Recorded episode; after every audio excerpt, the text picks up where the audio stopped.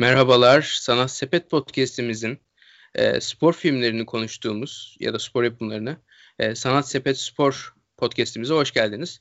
E, bugün Mert Güven'le birlikteyiz. Merhaba abi. Merhaba. E, Ertuğrul ve Kerem maalesef bugün aramızda değiller. İşleri çıktı ikisinin de. E, Mert abiyle ikimiz konuşacağız. Bugün konuşacağımız filmin adı Moneyball. E, 2011 yılında çıkmış bir film ve e, bir beyzbol e, beyzbol filmi. E, ilk önce bu filmle alakalı genel e, bir düşünceni alayım abi. Sonra derinlemesine gireriz. Çok beyzbol e, ülkemizde takip edilen, izlenilen bir spor olmadığı için e, doğal olarak bizim de normalde uzak kaldığımız bir branş. E, biz daha çok bu tarz işte beyzbol, Amerikan futbol tarzı filmleri işte Amerikan sinemasından e, izliyoruz. Öyle spor dalları hakkında ve bilgi edinme şansımız oluyor.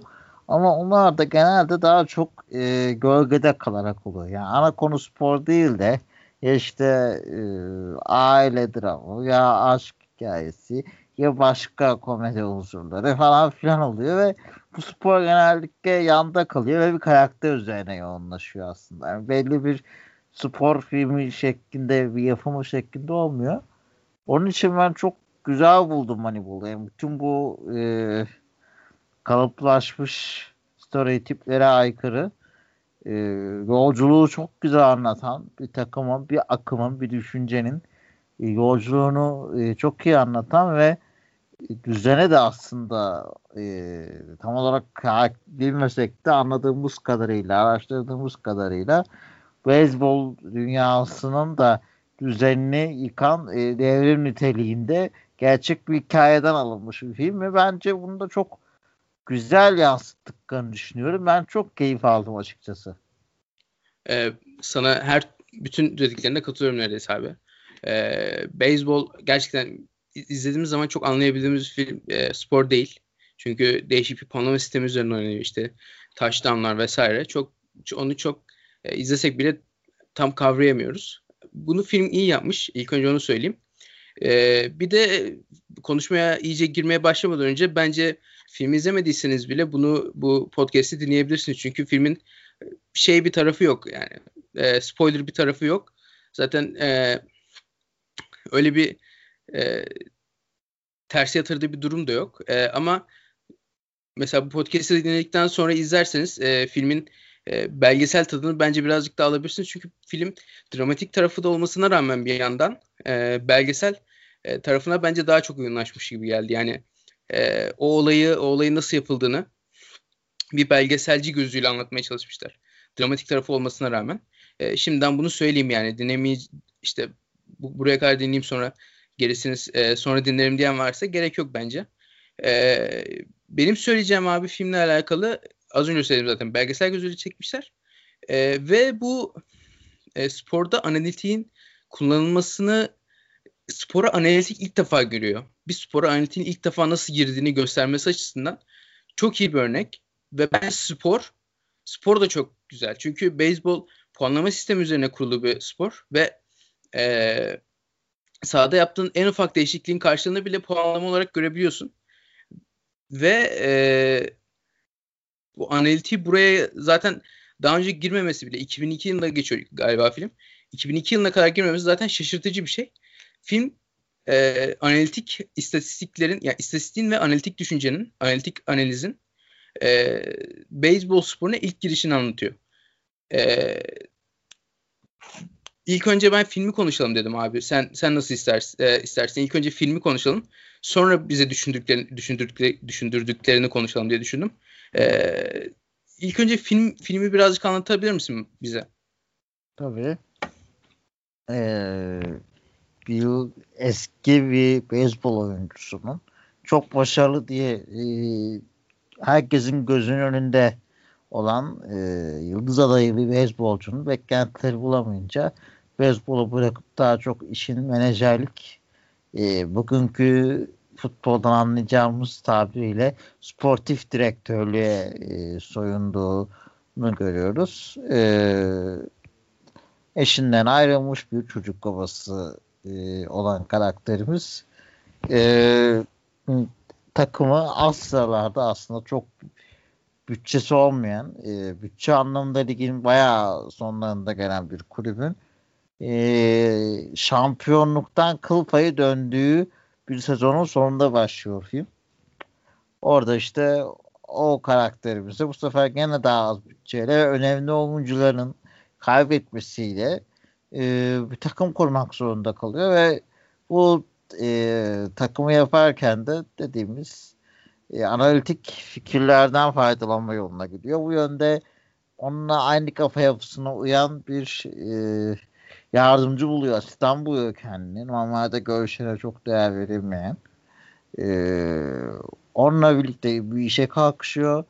Takım içinde e, medyada e, scoutlar olsun, teknik direktör olsun, yönetici olsun herkesi karşı karşıya geldiği bir ortamda dediklerinden vazgeçmeyerek oyuncularla da e, gerek son çıktığında onları da çözerek takımı gene bir şekilde e, yolunda gitmese bile en sonunda rayına sokarak şampiyonluk yolunda götürttüğü bir filmi izliyoruz.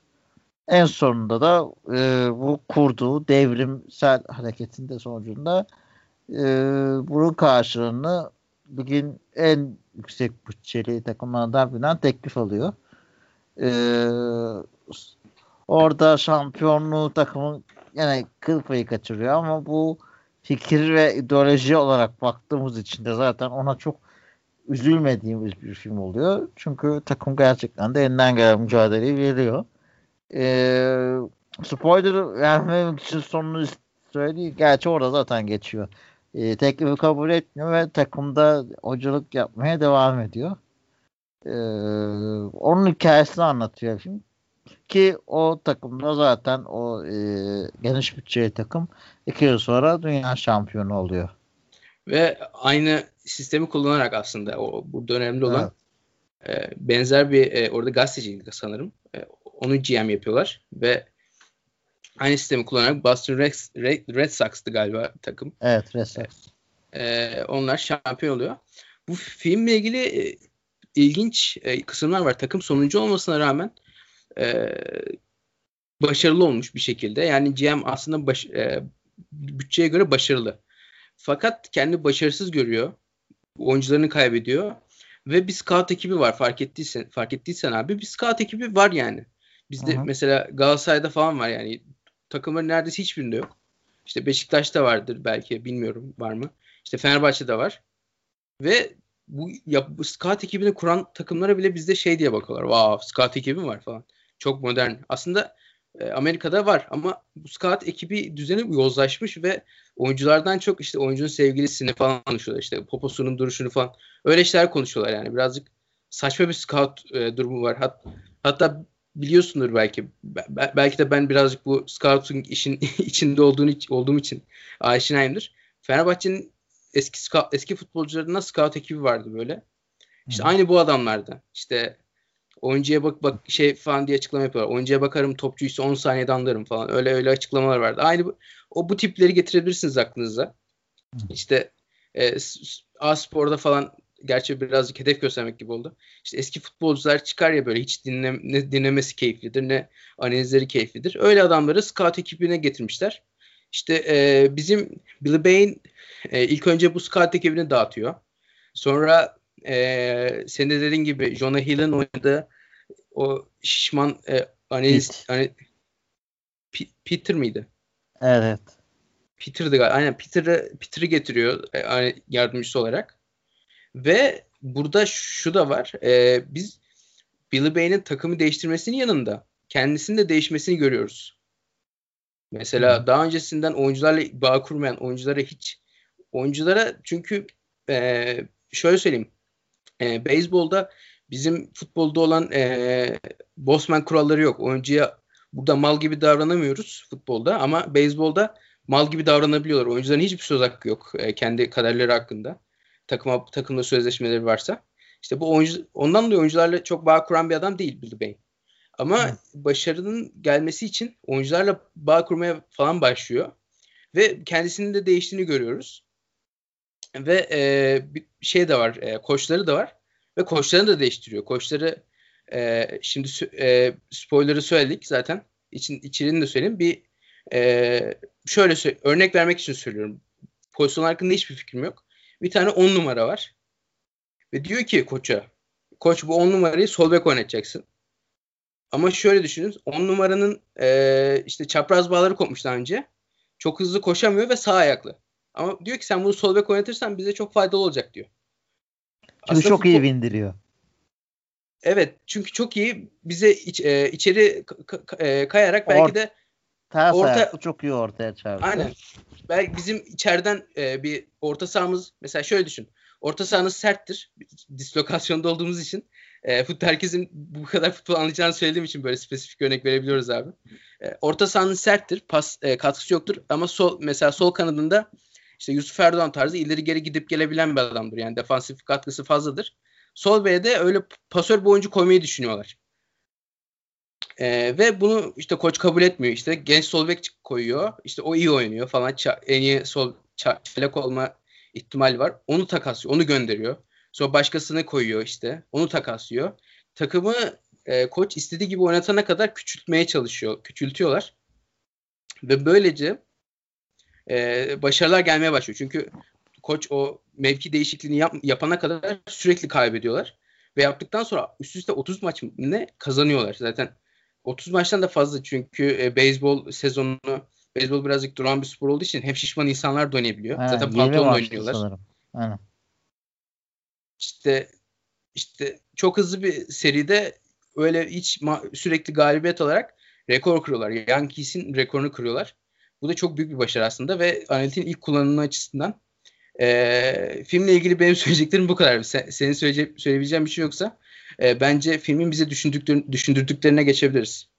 Ya filmle ilgili biraz şunu e, ekleyebilirim. E, birkaç anlamadığım nokta da oldu. Katılmadığım nokta da oldu. Ama ilk şöyle başlayayım.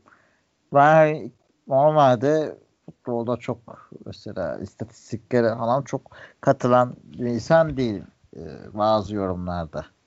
E, ilk başta o kadar istatistik girince lan biraz öyle düşün. Yani dedim bu, bu mu gerçekten hani hiç taktik maktik yok mu? E, bize çünkü öyle biraz sunuldu. Ama anladım ki bu istatistikle aslında bir taktikle oluşturulmuş bir istatistik. Yani istatistikten doğan bir taktikle başarılı oldu. Yine bir spor zekası, yine spor bir zihniyeti var.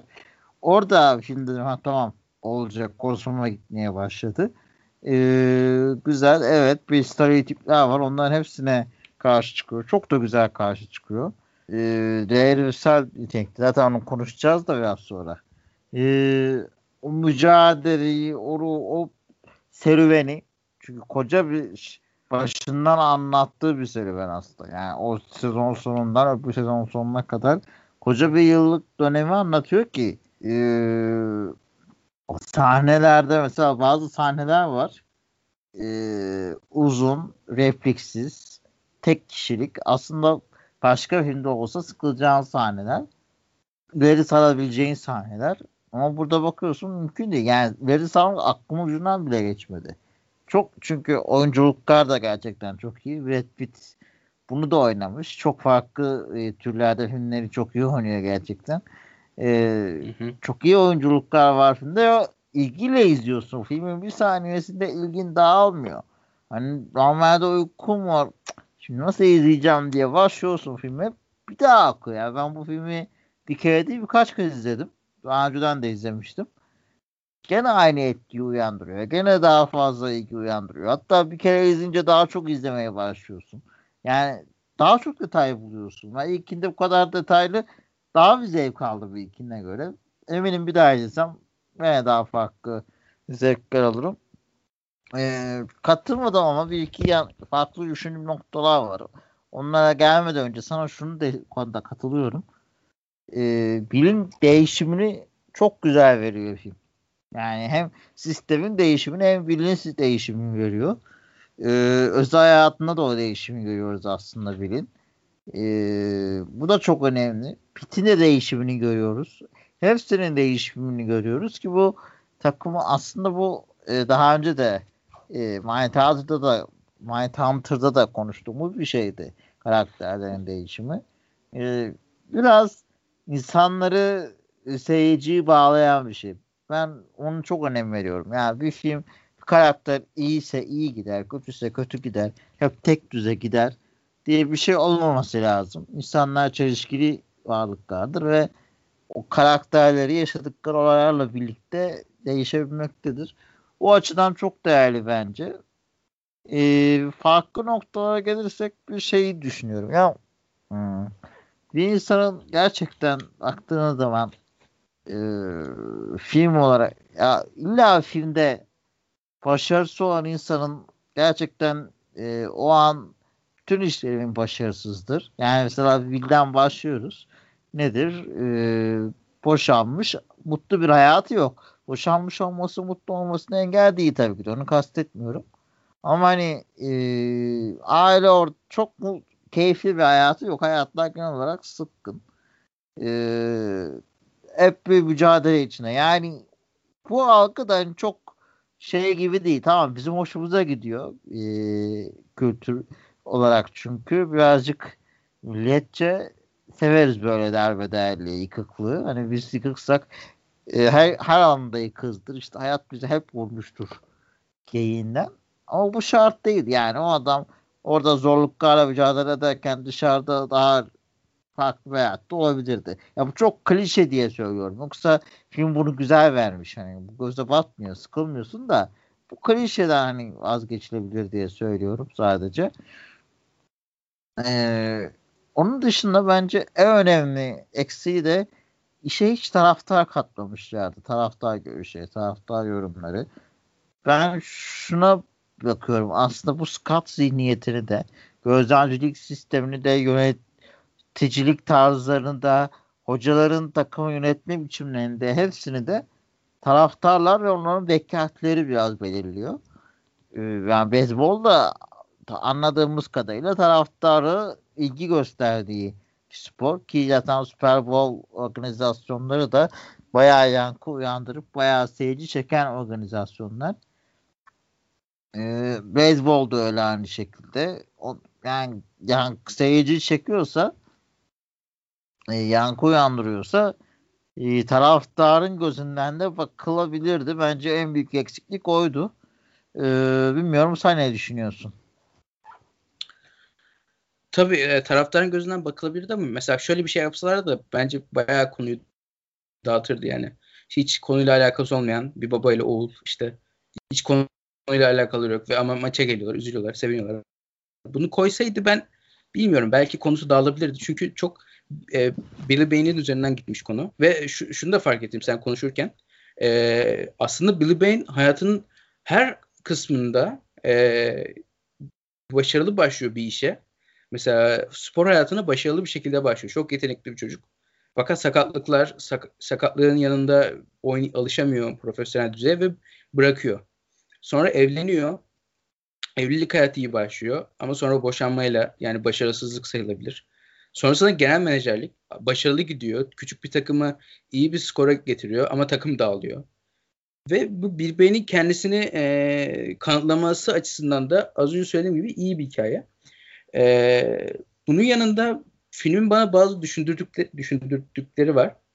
Ben bu filmi ilk 2014 yılında izlemiştim. O zamanlar e, sanırım 13 ya da 14 yaşındayım.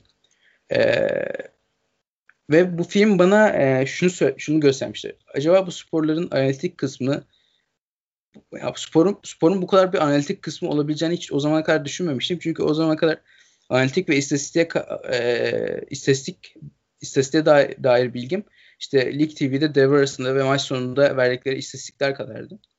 E, ondan sonra işte bu bunun acaba futbol kısmı nasıl olur diye bir düşünce sardı içime.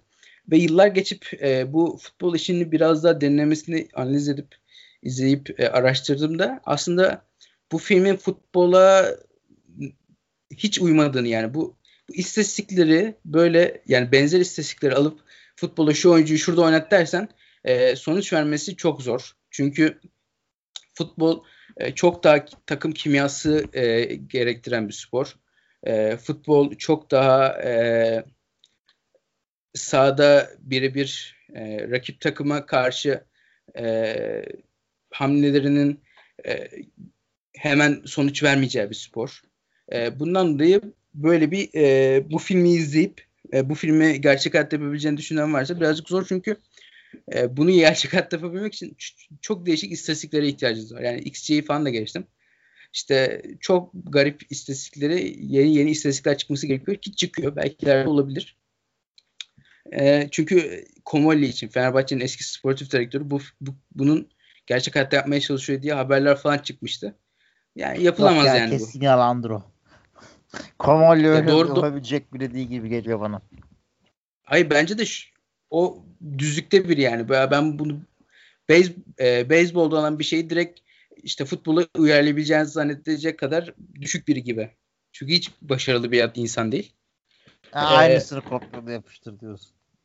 Aynen aynen işte bu istatistikleri alalım bunu koyalım. Sonra futbolcu patlıyor falan. Bunu işte duyduğuma göre Brentford takımı yapıyormuş.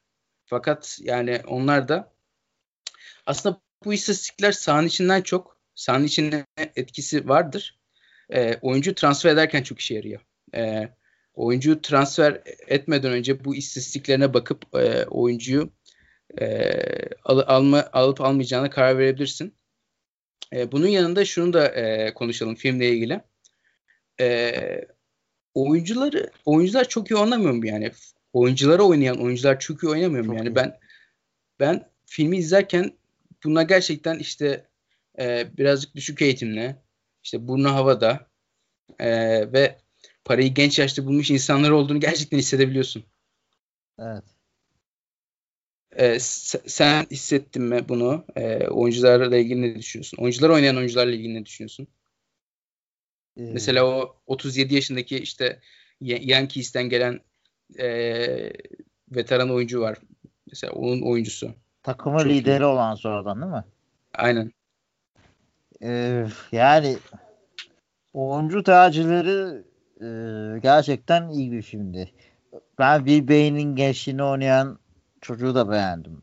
Otoy e, evet yakışıklı, atletik vücutlu, başarılı gözüken ama aslında içinde kaygıları olan ve hani başaramadığını da düşünebilecek e, olgunlukta bir e, tip seçmişlerdi.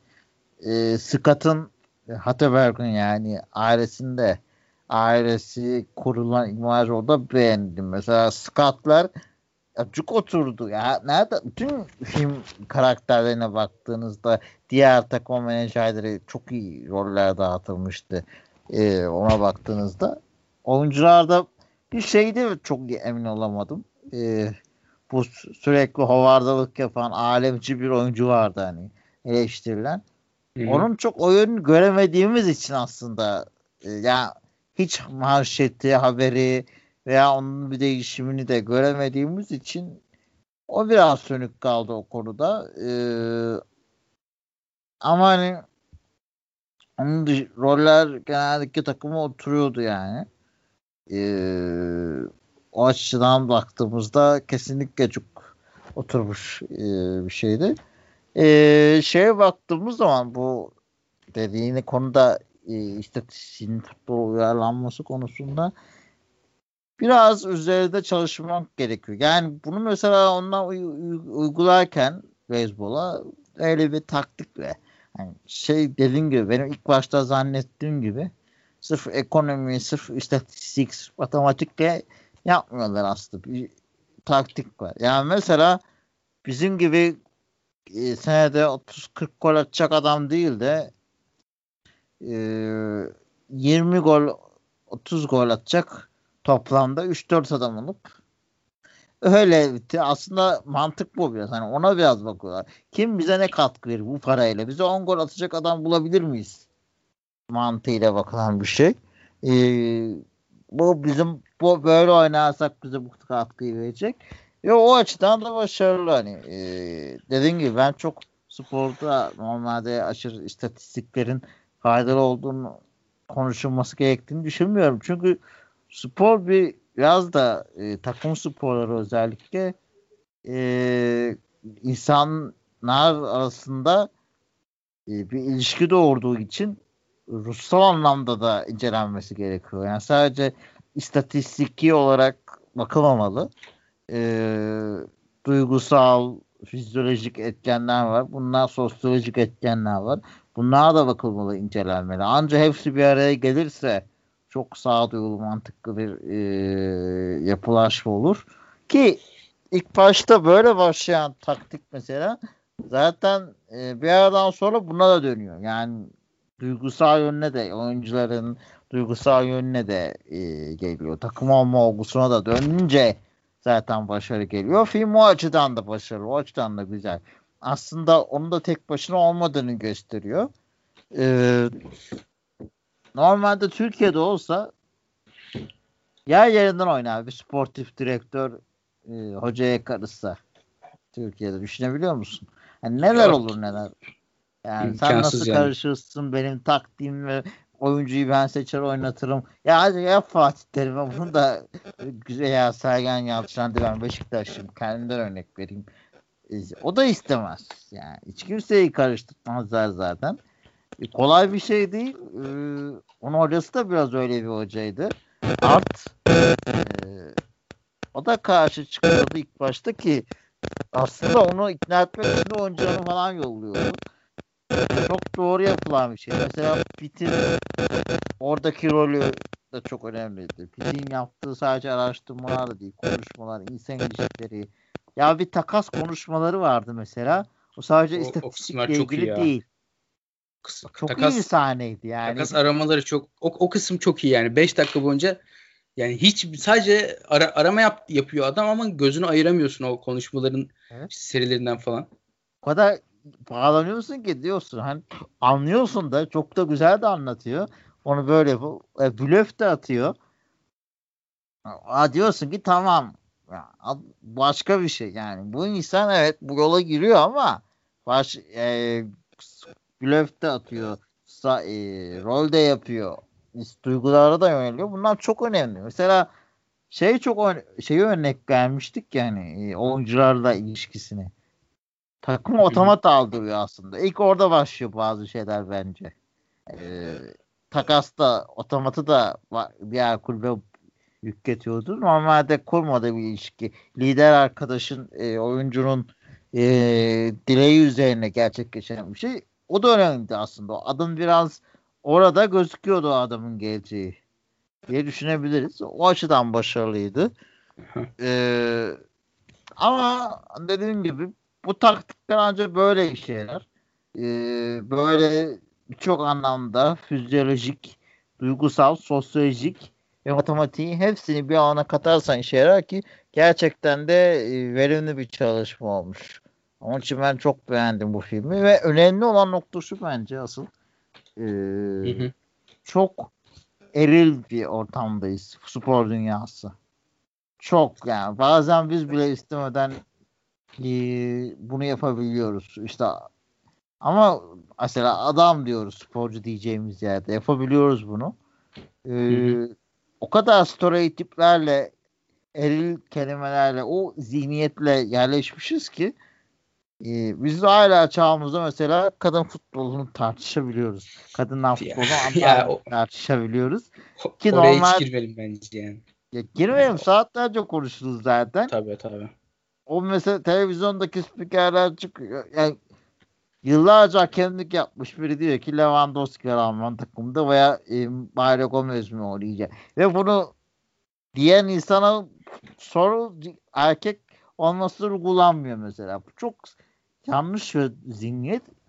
Bu işte bilin zihniyeti bunu yıkıyor aslında. Bu tarz stereotiplere kardeşim sizin yeriniz yok aslında diyor yani. Biz beyzbolu böyle oynayacağız ve böyle de başarılı olmaya çalışacağız. Oluruz olamayız başka. Şampiyon oluruz olamayız. Ama biz bunun mücadelesini vereceğiz ve bir şeyleri değiştireceğiz felsefesi yola çıkıyor. Ve aslında o zihniyeti yıkıyor. En güzel örneği o. Nedir? İşte o e, filmin sonunda gösterilen 120 kiloluk adamın mücadelesini, oyun tarzını değiştirmesini gösteren bir sahne vardı ya. Hatırlarsın. Hı. Evet. O mesela diyorsun ki tamam işte yani aslında filmin o zihniyetin bir şeyleri değiştirdiğini orada görüyoruz. Bence o çok önemli. Yani şampiyon olsun olmasın. Açıkçası ki bence şampiyon olmadan bitirmesi de e, kötü değil. Bence doğrusu da bu zaten. E, yani çünkü şarj şampiyonluk değil. Sen o mücadeleyi vermek, senin o zihniyeti yıkmak kolay değil. Yani sen dünyacı e, bütçenin kat kat üstünde bir takım mesela senin prensibini benimsiyor sonra. Bu da çok değerli bir şey. Ama asıl önemli olan oyuncu zihniyetinin değişmesi.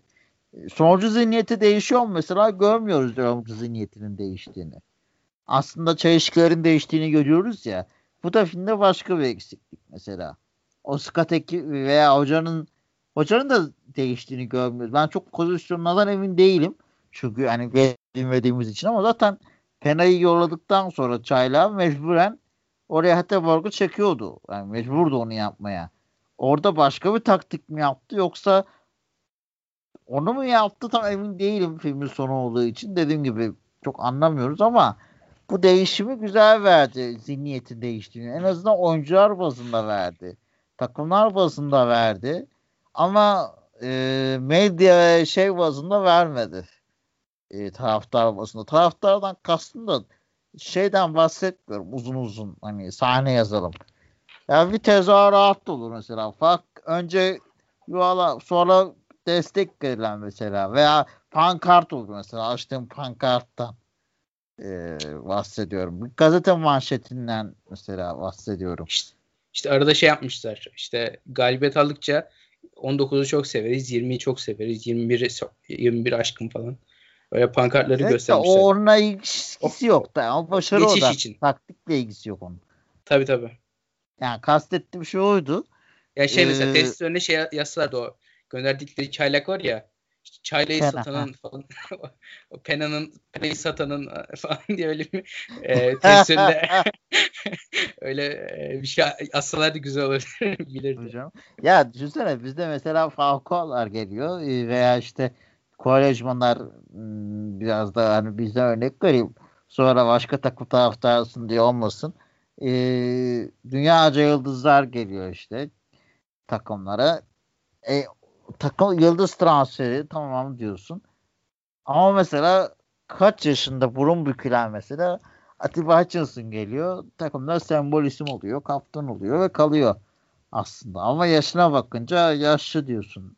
Mesela aynı şey. Mesela aslında Joseph de Souza mesela alınan o lider oyuncu uyuyor. Beklenme beklentilerin düşük olduğu birlikten geldi tekrar Türkiye'ye. Yapamaz denildi o eski formu olacak mı denildi. Oldu.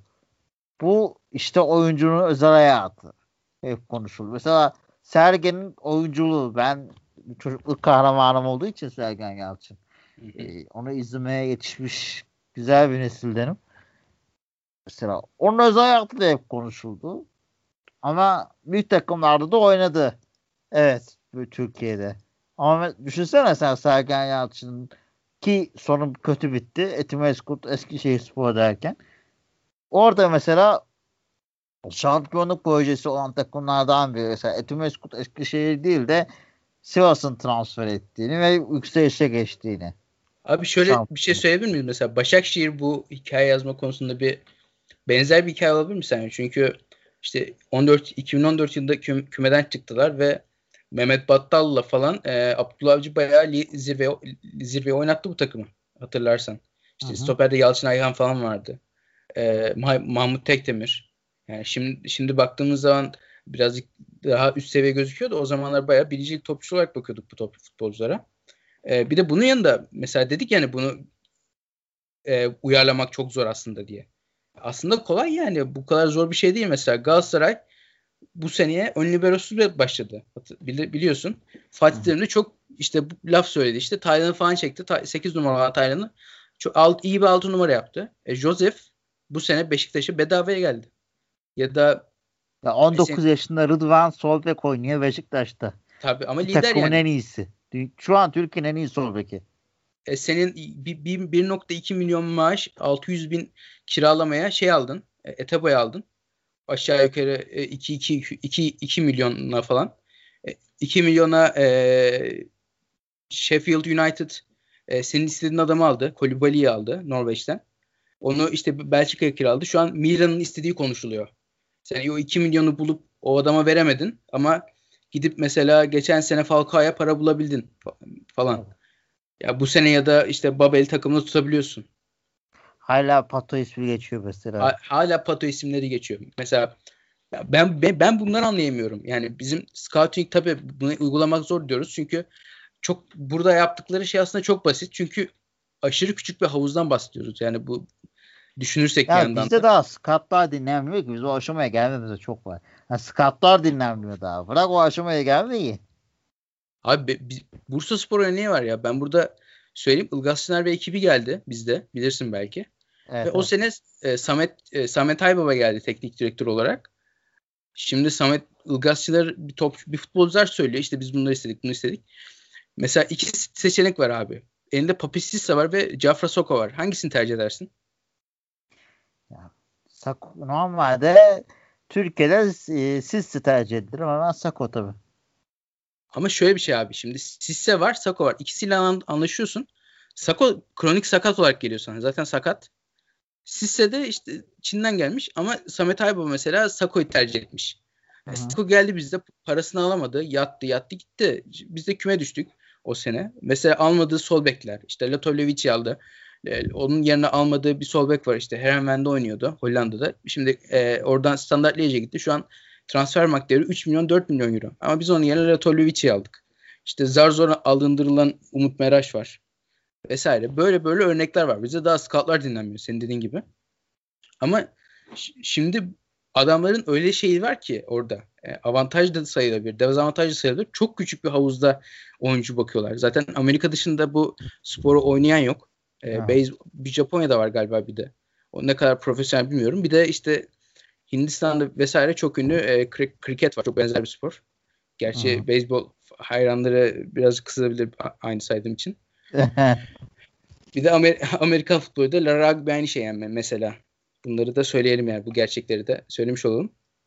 Çok küçük bir havuzdan oyuncu bakıyorlar. E, bu da bunların avantajı da sayılabilir, dezavantajı da sayılabilir. E, o neye baktıklarını biliyorlar. Bir de mesela adam kamerayı e, o işte sopayla vurdukları yere koya, koyuyor kamerayı. İşte topa nasıl vurmuş her seferinde görebiliyor ama bizde topa nasıl vurduğunu da bizde daha çizgi e, çizgiye kamera koyamıyorlar. Biz daha bu oyuncuların topa nasıl vurduğunu, nasıl vücudun hareket ettiğini televizyondan gördüğümüz kadarıyla anlamaya, anlamaya çalışıyoruz. Yani futbol teknolojik olarak da çok geride. Yani oyun yapısıyla anlaşılması çok. Bizde altyapı sistemi bile yok ki. Bize baktığı zaman futbolcunun aile yaşantısı incelenmiyor 13-14 yaşındaki oyuncunun. Özel hayatı, ergenliği incelenmiyor. Beslenmesi incelenmiyor. Okulu hayatı incelenmiyor hiçbir şey incelenmiyor ki. Oyuncu gelsin topunu oynasın. Yani o kadar zor ki Türkiye'de parlamak şu an. Yani milyarda bir hani gerçekten büyük yetenekli olacağım ve dört dörtlük bir aile yaşantın, dört dörtlük bir hayatın olacak bir parlayabilirsin. Onun için Tabii. çok zor Türkiye'de futbolcu. Aile yaşantıları çok sıkıntılı benim duyduğum kadarıyla yani. İşte Tabii canım. İşte mesela oyuncu beklese mesela takımda belki süre alacak. Mesela Galatasaray Fenerbahçe'de zor da bazı takımlarda birincilikte falan duyuyorum böyle şeyler. İşte beklese takımda kalsa süre alacak belki. İşte kendisini gösterebilecek ama babası şey babası mesela şey diyor. İşte buraya alalım. Üçüncü lige götürelim. Üçüncü ligde 200 bin liraya kontrat imzalasın. Yıllık 2000, 200 bin lira iyi para falan diye. 10 yıl kazansa o da böyle. haklı. Ailenin durumu yok. Mecbur o paraya. Ya zaten Baktığın okumuş adam zaman o kadar kötü yetiştiriliyor ki Türkiye'de aslında Türkiye'nin hayat şartları sadece e, siyaseti değil her alanı etkiliyor. Ya bir de şöyle Bizim bir şey var mesela. Bizi de etkiliyor. Kültürümüz, kültür sanatı da etkiliyor. Yani insan atıyorum sinemaya gitmeye konumuz mesela. Sinemaya gitmeyi lüks görüyor. Sinemaya gitmeyi verin diyor. Ya kardeşim yani bu doğal bir şey yani sinema bir, ya insanın kültürel, ruhel gelişimini tamamlayan şeyler bunlar. Bir maça gitmeyi ver diyor. Bunlar o zaman e, oyuncunun değil sinemaya gidecek, e, kendi kitap okuyacak parası e, geri geliyor yemek yiyecek parası yok. Bu insan nasıl parayı düşünmesine dönüyorsun sonra. Bir de şöyle bu, bir de bu neyin sonucu? E, neyin sonucu olarak böyle oluyor? Türkiye'de eğitimle sporu aynı anda götürmenin imkanı yok. İmkansız. Yok. lisede işte götüremiyorsun. Umut Nayır var. Çok istisnai bir durum. Tabii Gerçekten. Aş, aşırı Ben istisna. onun için Beşiktaş'ta da 2-3. Aha. gönderilmesini çok e, istemedim. Örnek bir oyuncu çünkü mesela. E, bilmiyorum e, biliyor musun? Beşiktaş'ta o biliyorum. kolej dönemi bu 90'larda 3 sene üst üste şampiyon oldu. Veteriner Feyyazlı Teşekkürler. kadronun Evet. çoğu üniversite mezunu aslında. Çok ilginç. O zamanlar bu yapılabiliyormuş mesela. Şu an yapma mümkün değil Şimdi Türkiye'de. lise bile okuyamıyorsun. Kesinlikle. Ona Şu göre hiçbir eğitim geçmen imkansız gibi. Aynen öyle. Ya Ama şimdi Adam hukuk okuyor Umut Nayır mesela. Çok değişik. Umut Nayır'ın çünkü şöyle bir şey var. Kariyeri çok geç başlıyor. İlk profesyonel maçı 19 yaşında falan. Şimdi 19 yaşında Türkiye'de bile 40-50 maçı olan çocuklar var. On, geç başladığı için orada bir avantaj sayılabilir. Bir de şöyle bir şey var. Şimdi ben futbol çok yetenekliyim. Futbolcu olacağım ama mesela benim babam birazcık eğitimli bir insansa e, çocuğu futboldan ay- ayırıyor mecburen. Çünkü çok büyük bir risk olup olup olup olmayabilirsin. Bir sakatlıkla bütün kariyerin bitebilir. Ve eğitimsiz kalabilirsin. Onun dolayı daha garanti olan herkes üniversite okusun diyor yani daha eğitimli olanlar. Daha eğitimsiz Keşke olanlar da artık o sistem de yetmiyor. Üniversite okumak da yetmiyor artık. İki tane Evet. okusan da yetmiyor artık. işte daha garanti şey gördükleri yapıyor. için. Tabii daha garanti gördükleri için işte e, eğitim seviyesi olarak e, yukarıda olan ya da eğitim seviyesinin yani gelir seviyesiyle bir e, doğru orantısı var. İşte gelir seviyesiyle eğitim seviyesi düşük olan çocuk insanların çocukları genelde futbolcu oluyor bu e, ülkede. Onlar da işte çocuğuna yatırım yapmak yerine, çocuğunun kariyerini düşünmek yerine en hızlı parayı nasıl kazanabilirim diye düşünüyor. Ondan dolayı da böyle futbolcuların e, kötü mentörlüğe uğradıklarını görüyoruz. Mesela bu filmde işte bu, bu, bu konuda da şey var. Bu aslında spor açısından çok güzel bir film. Çünkü mesela annesi geliyor ki "Ay, aslında üniversitede kazandı. Üniversitede mi okumak istersin, sporcu mu olmak istersin? Annesi mesela bu şeydeki az önce saydığım veliler gibi olsa, sürekli parayı düşünen bir adam olsa sence şey yapar mıydı işte? Direkt e, beyzbolcu oldu. direkt beyzbolcu, ha, beyzbolcu hemen hemen falan diye hiç düşünmezdi bile. Burada hem kararı çocuğuna bırakıyor hem de e, okumasını da istiyor bir yandan. Çünkü çocuğun mutlu olmasını istiyor. Kendi mutlu olmak istemiyor. Bizde e, çocuğunun şeyinden çok kendi şeylerini düşündükleri için böyle olduğunu düşünüyorum. E tabii yani öyle bir aile şansı çünkü herkes e, öyle görmüş. Ya ben doğurdum emek verdim böyle olacak diye o çocuğu büyütürsen o da diyor ki kendi çocuğuna aynı şeyi düşünüyor. Çünkü o da zamanında kendisini düşünmemiş. Bir kısır döngü şeklinde gidiyor ve bu sarmal bir yerden sonra çıkmaza geliyor artık. Baktığın zaman. Yani gerçekten dediğin doğru. Her açıdan baktığında o film çok iyi. Yani hem ekonomik sıkıntıların bir takımı nasıl bir baş edebileceğini gösteriyor. Hem aile yaşantısını gösteriyor işte dediğin gibi.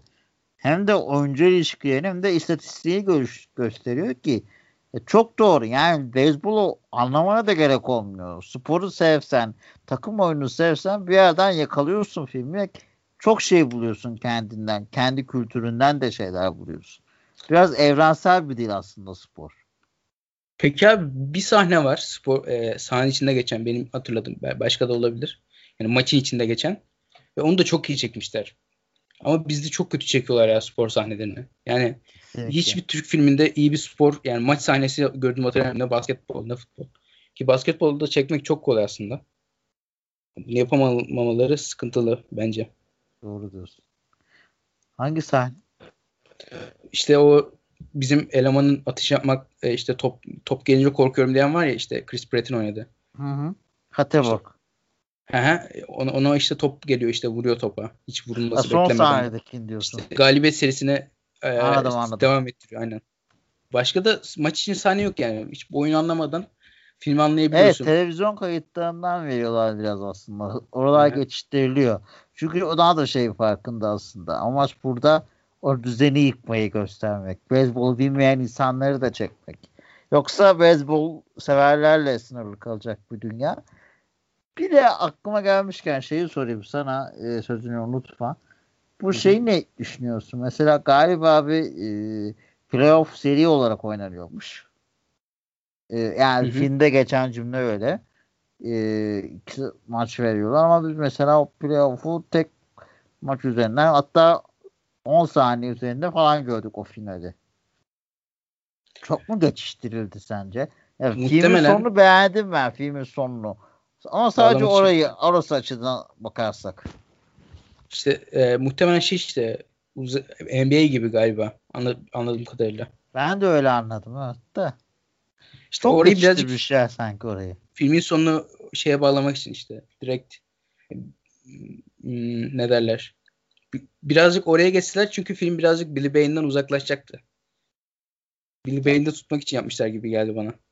ama mesela şey diyebilirdim maçtan önce o playoff'ta durumu verirsin. Hani ikisi kaç maç kala oldu veya işte son maçta mı kaybedecek onu verirsin ve son maçtan aslında verdiğin sahneyi yani 15-20 saniye uzatmaktan bahsediyorum hani. E, ya da şey ya, olsaydı mesela. Yazılarla işte karakterler arasında konuşsalardı Playoff yani. Şu mesela. kadar ya. Playoff'ta şu sonuç şu sonuçla birlikte şu maçta belli olacak her şey derdin. Sonra da o maçın son bölümünü gösterdin. Yani çok uzun uzadıya bir şeyden bahsetmiyorum. Yoksa kesinlikle suyu çıkardı. Ona katılıyorum. Tabi tabi ama şey işte şey yapabilirdi bence de ya. Yap, hatta yapmalılardı. Yani mesela iki karakter arasında konuşma da olabilir. Mesela bir ben şey diyebilirdi. İşte skor 4-3 işte kazanırsak bitiyor kaybedersek kaybediyoruz işte son son 3-3 son maça kaldı falan öyle şeyler de söyleyebilirdi mesela. Söylememesi birazcık hakikaten e, söylediğin gibi muhtemelen şey seyircinin kafasını karıştırmamak için yapmışlar. Çünkü bunu birazcık hem çocuklar hem de anlamayanlar olabilir diye belki. Çünkü bazı böyle e, Oscar oynayan filmler bazı yerlerde böyle sayılara girmeyerek karıştırabiliyor. Karıştırmayabiliyor. Yani ya. belki bu budur diye söylüyorum. Ama bence mesela, saçma bence de yani. Mesela şeyi de mesela sporla her açıdan ele alıyorduk ya Totabi de mesela güzel ele alıyor. Onu da benim çok hoşuma gitti. Yani maçları izlememe detayı var ya mesela. Hı hı. O hatta sonra gidiyor yani kaybediyoruz deyip en sonunda geri dönüyor ama bir yerden şansının döndüğünü gösteriyor aslında. Hem şansına döndüğünü gösteriyoruz. Yeni şansında döndüğünü gösteriyoruz. E, sistem aslında bir şeylerin de değiştiğini gösteriyoruz. O sahne de aslında çok önemli kazanmaları. Sadece e, seriyi bozmak gibi değil mesela. Çünkü bizde şey düşünülür. Aa işte iyi aşık seriyi kazandı. Oraya odaklanılır.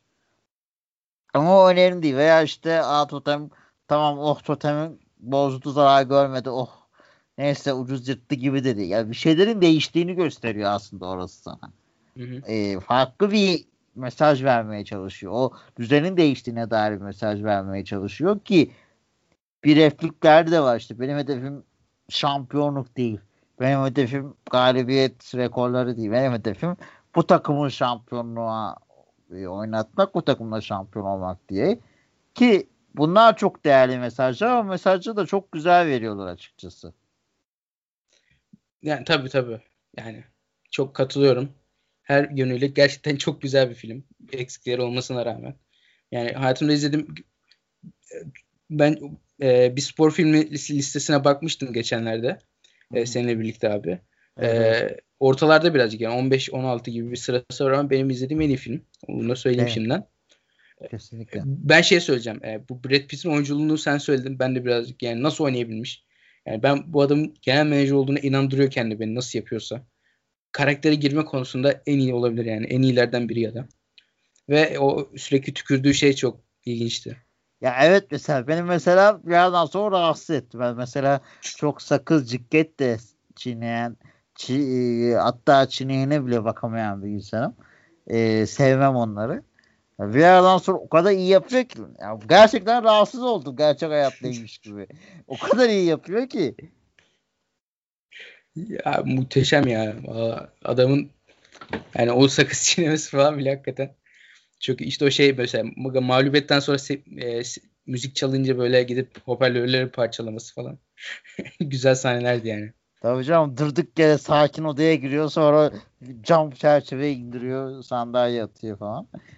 E, şey çok ilginçti mesela üvey babasıyla kızın aslında iyi bir tip üvey baba. Normalde hani çok sevilmez mesela üvey baba eski eşin kocasını falan ama sevimli bir diyalog geçerken birdenbire adamı tersi veriyor falan aslında adamın niyeti yokken. Dedim ben ne gerek. Normalde mesela baş kahraman iyi olur da öbürü kötü olur veya kötü olduğu için tersler veya öbürü direkt ona kötü davranır. çok gereksiz bir terslemeydi mesela. Biraz ya gerçekçi şark... olmuş yani adamı. Ya evet. İyi tarafına hem kötü tarafına. Ya sadece iyi karakter, iyi yönlerini görmüyoruz yani. O da çok önemli. Ya kıyafet seçimlerini bile çok yani çok e, doğru çok şık giyinildi bir yani baktığı zaman. Doğal bir doğal bir şıklıktı.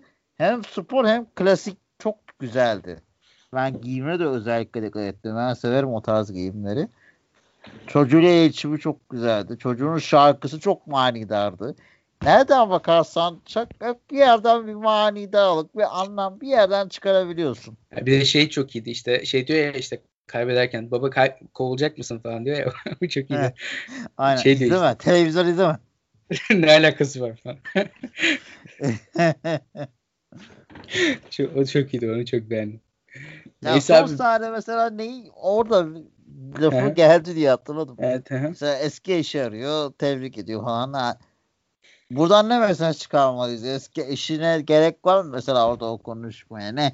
Aa her şey düzene gelince orası da mı düzelecek? Yani işte eski kocasının birden yok oldu gibi. Doğa bence biraz o çocukla geçebilirdi o konuşma sadece. Tamam Tabii. ne bileyim. Hı hı. Sen ne yani, düşünüyorsun orada? Gereksiz geldi bana yani. Çok, çok gereksiz işte bir umut işte belki seyirciye bir şey merak yaratmak için ya bence. Ya, gerçek, gerçek aşk koymak için yani. biraz acaba aşk bu doğacak diye çekmek Aha. için bu klasik hilelerden. Geç, geçen demiştim ya genç kızları çekmek için aynı yorum yapıyorum yani genç kızları aşk o konusunda birazcık şey olsun diye herhalde. Abi bu da cinsiyetlilik ya. Bu erkekler de buna bakıyor biraz ya. Ya burada izleyen kadın bilmiyorum belki sevgilisiyle falan gitmiştir sinemaya ondan dolayı. ya erkekler de biraz aşka böyle şeyler de aşk arıyor bence.